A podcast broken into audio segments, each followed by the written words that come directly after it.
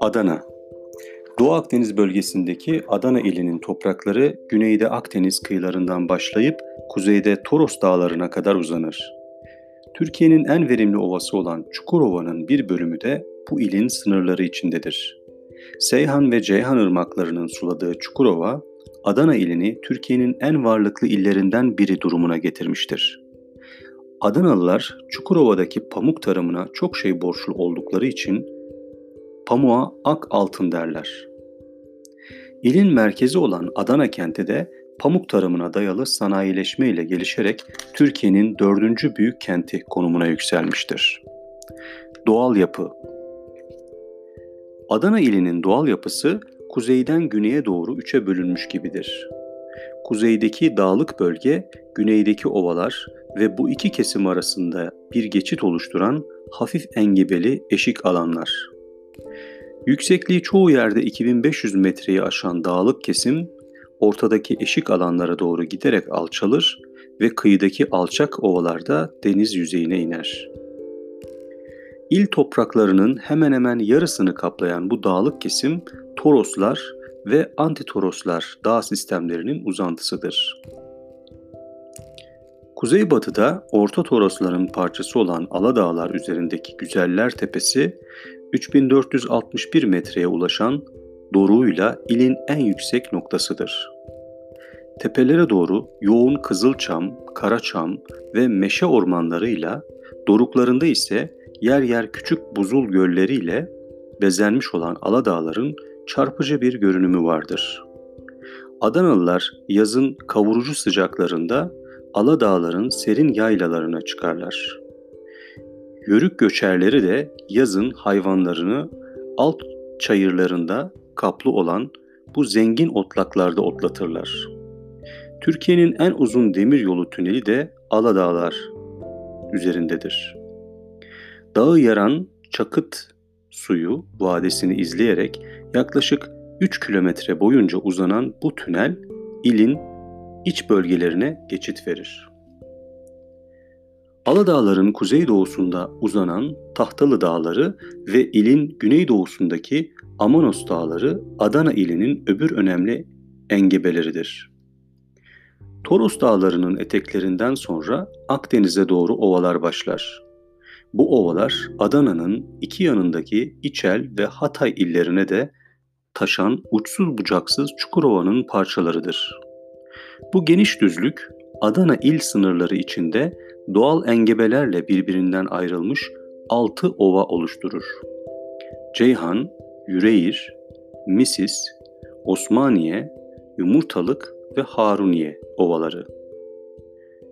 Akarsuların taşıdığı alüvyonlarla zenginleşen bu ovalar yalnız Adana'nın değil, bütün Türkiye'nin en bereketli topraklarıdır. Doğu Toroslardan doğarak Akdeniz'e dökülen Seyhan ve Ceyhan ırmakları Adana ilinin can damarlarıdır. Uzunlukları 500 kilometreyi aşan ve ovaya ininceye kadar birçok kolla beslenen bu ırmakların akışı düzenli değildir. Kurak yaz aylarında suları iyice azalır, ilkbaharlarda ise Torosların eriyen kara, karlarıyla beslenerek yataklarından taşacak kadar artar. Bu ırmakların akışını denetleyerek Adana ovalarını bahar aylarındaki sel baskınlarından korumak ve bölgeye elektrik enerjisi sağlamak için Seyhan üzerinde Seyhan Barajı, Ceyhan üzerinde de Aslantaş Barajı yapılmıştır. Bu iki akarsuyun suları biriktiren baraj gölleri de Adana ilinin en büyük gölleridir. Bu yapay göllerden başka ilin Akdeniz kıyılarında Akyatan Gölü, Tuz Gölü gibi birkaç doğal göl bulunur. Bunlar denizin karaya sokulması ve ince bir kıyı şeridiyle kapanması sonucunda oluşmuştur. Lagün ya da deniz kulağı denen çok küçük acı su gölleridir. Adana ilinin dağlık kesim dışındaki bölgelerinde tipik bir Akdeniz iklimi egemendir. Bu iklim tipinin özelliği olan sıcak ve kurak yaz aylarında bölgedeki sıcaklığın 40 dereceyi aştığı çok olur. Dağlık yöreye doğru çıkıldıkça sıcaklık azalır, yağışlar artar. Bu nedenle Adana ilinde bütün yılın sıcaklık ortalaması 18 derece iken kuzey komşusu olan Kayseri ilinde bu değer 10 santigrat dereceye düşer. Gene Akdeniz ikliminin etkisiyle Adana ilinin alçak kesimlerinde kışlar ılık ve yağışlıdır.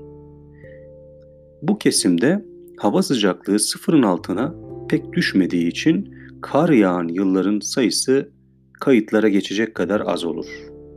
Hatta eski kayıtlar 1811 yılının Ocak ayında Adana'da güllerin açtığını yazar. Bu iklim özellikleri ilin doğal bitki örtüsünü de belirlediğinden alçak ve yüksek kesimlerdeki bitki toplulukları birbirinden çok farklıdır. Akdeniz ikliminin egemen olduğu alçak kesimlerdeki bodur makiler, Torosların eteklerinden başlayarak yerini gür ormanlara bırakır.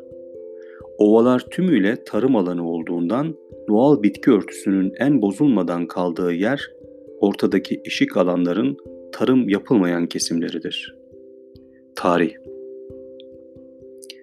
Tarihte Klikya adı adıyla bilinen Çukurova bölgesi çok eski çağlardan beri çeşitli halklara, halklara yurt olmuştur. Yöredeki kazılarda açığa çıkarılan ve cilalı taş devrinden Neolitik çağ kaldığı anlaşılan buluntular bu yörenin tarih öncesi çağlarda bile önemli bir tarım ve yerleşme merkezi olduğunu gösterir.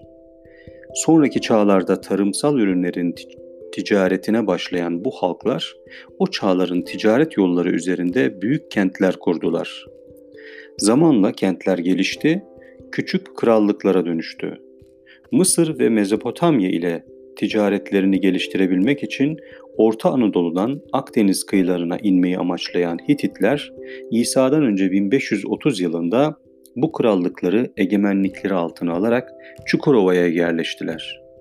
Bugün Adana'nın Kadirli ilçesi içinde ki Kar, Karatepe ve Domuztepe'de yapılan kazılar bu tepelerin yaklaşık 300 yıllık Hitit döneminde kurulan iki eski yerleşme olduğunu ortaya koymuştur. Bereketli toprakları ve zengin bir kereste kaynağı olan ormanlarıyla yöredeki öbür krallıkların ilgisini çeken, üstelik önemli ticaret yollarının kavşağı olan Klikya, o tarihten sonra sürekli el değiştirdi. Hititlerden sonra Asurların, Perslerin, Makedonya Krallığı'nın ve Slavkosların egemenliğine girdi. İsa'dan önce 12'den imparatorluğun parçalandığı İsa'dan sonra 395 yılına kadar bu topraklar Büyük Roma İmparatorluğu'nun bir parçasıydı. İmparatorluğu besleyen büyük çiftliklerin kurulduğu, bugün Yakapınar adıyla anılan Misis başta olmak üzere kentlerin büyüyüp geliştiği Roma döneminden sonra Adana yöresi Bizans egemenliğine girdi. İkiye ayrılan Roma İmparatorluğu'nun doğu kanadı olan Bizans döneminde tarım ve dokumacılıkla zenginleşen Adana topraklarına Müslümanların yerleşmesi 651 yılına rastlar. Yörede Emeviler ve Abbasiler döneminden kalma birçok yapı vardır. Adana ve Çukurova kültürünün en renkli öğelerinden biri olan Türkmenler de ilk kez bu dönemde bu yöreye yerleşmeye başladılar. 1071'deki Malazgirt Savaşı'ndan sonra Anadolu'ya giren Selçuklular Haçlı seferlerine kadar Çukurova kentlerini ellerinde tuttular. Daha sonra bu yörede yerleşmiş olan Ermenilerden Mem Memlükler geçen Adana toprakları 1350'lerde Anadolu beyliklerinden Ramazanoğullarının egemenliğine girdi. 1517'de Osmanlı yönetimine girerek bu yönetimin bir sancağı, bugünkü anlamıyla il örgütü oldu.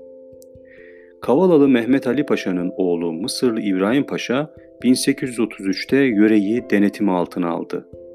1840'da yeniden Osmanlı yönetimine giren Adana, özellikle 19. yüzyılın ikinci yarısından sonra bir tarım ve sanayi merkezi olarak hızla gelişti.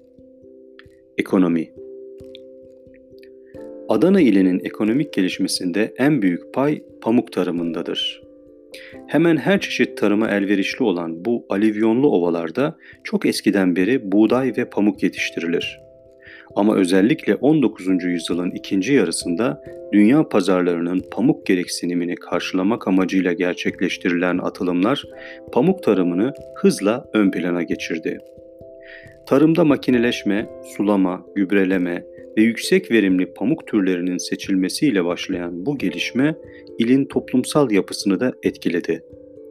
İl nüfusu bu yoğun tarım için gerekli iş gücünü karşılayamaz duruma gelince Adana çevresine büyük bir mevsimlik işçi göçü başladı. Son yıllarda pamuk tarımına ayrılan alanlar yerini büyük ölçüde buğdaya bırakmış, bir yandan da turunçgil üretimi ve seracılık yaygınlaşmıştır. Buğday karşısındaki bu gerilemeye karşın pamuk bugün de Adana ilin en önemli ürünü ve sanayileşmesinin çekirdeğidir. Bu süreç pamuğu çekirdeğinden ayırmak için kurulan ilk çırçır fa- fabrikalarıyla başlamış, büyük dokuma fabrikalarıyla gelişmiştir. Bugün Adana ilinde pamuklu dokumanın yanı sıra kimya, makine, metal eşya, lastik, gıda ve içki dallarında büyük sanayi kuruluşları vardır. Toplum ve kültür Bir yandan Çukurova'da yerleşmiş büyük uygarlıklar, öte yandan bu yörede yurtlanmış Türkmen ve Yörük oymakları Adana iline zengin bir kültür mirası bırakmıştır kıl keçisi besleyip hayvancılıkla geçinen ve büyük çadırlarda yaşayan bu yarı göçer oymakların dokuduğu renk renk kilimler ve çadırlar birer sanat yapıtıdır. Gene bu yörede yetişmiş Karacaoğlan ve Dadaloğlu gibi büyük halk ozanları da sözlü edebiyat geleneğinin en özgün yapıtlarını vermişlerdir. Karacaoğlan'ın sevda dolu, duyarlı şiiriyle Dadaloğlu'nun baş kaldıran yürekli dizeleri bugünkü toplumun da simgesi sayılabilir. Adanalılar için en büyük erdem yiğitlik, dostluk ve dürüstlüktür. Ölülerin ya da büyük acıların ardından yakılmış ağıtlar, efsaneler, yiğitlik destanları, büyük değer verilen at üstüne üstünde söylenmiş tekerlemeler ilin edebiyat geleneğinde zengin bir yer tutar. Bugün il nüfusu büyük ölçüde kentleşmiş, eski gelenek ve göreneklerinden oldukça uzaklaşmıştır.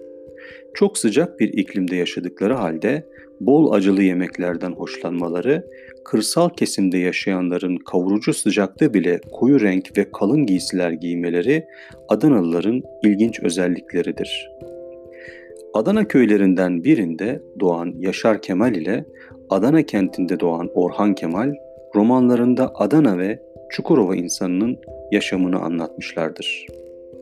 İl merkezi Adana İlin güneyinde Seyhan Irmağı üzerinde kurulmuş olan Adana, büyük ve kalabalık bir sanayi kentidir. Efsaneye göre gök tanrısı Uranos'un oğlu Adanos tarafından kurulmuştur. Adını da buradan almıştır. Çok önemli bir kavşak noktasında bulunan ve Çukurova yöresinde egemenlik kurmuş çeşitli ulusların yönetimine girmiş olan kentte pek çok tarihi yapı vardır. Adana 1950'lere kadar yalnızca tarım ürünlerinin pazarlandığı bir ticaret merkeziydi. O tarihten sonra hızlı bir sanayileşmenin odağı oldu ve önce tarım, sonra sanayi iş kollarında büyük bir işçi göçüne uğradı. Bu göç hareketinin yarattığı konut darlığı bugüne kadar süren yoğun bir gece kondulaşmanın temel nedenidir. Adana kenti bir yandan çağdaş yapıtlarıyla gelişirken bir yandan da Türkiye'nin en geniş gece kondu yerleşmesini barındıran kentlerinden biri olmuştur. Bugünkü Adana 1973'te kurulan Çukurova Üniversitesi ve Uluslararası Havalimanı ile aynı zamanda bütün Akdeniz bölgesinin eğitim ve ulaşım merkezidir.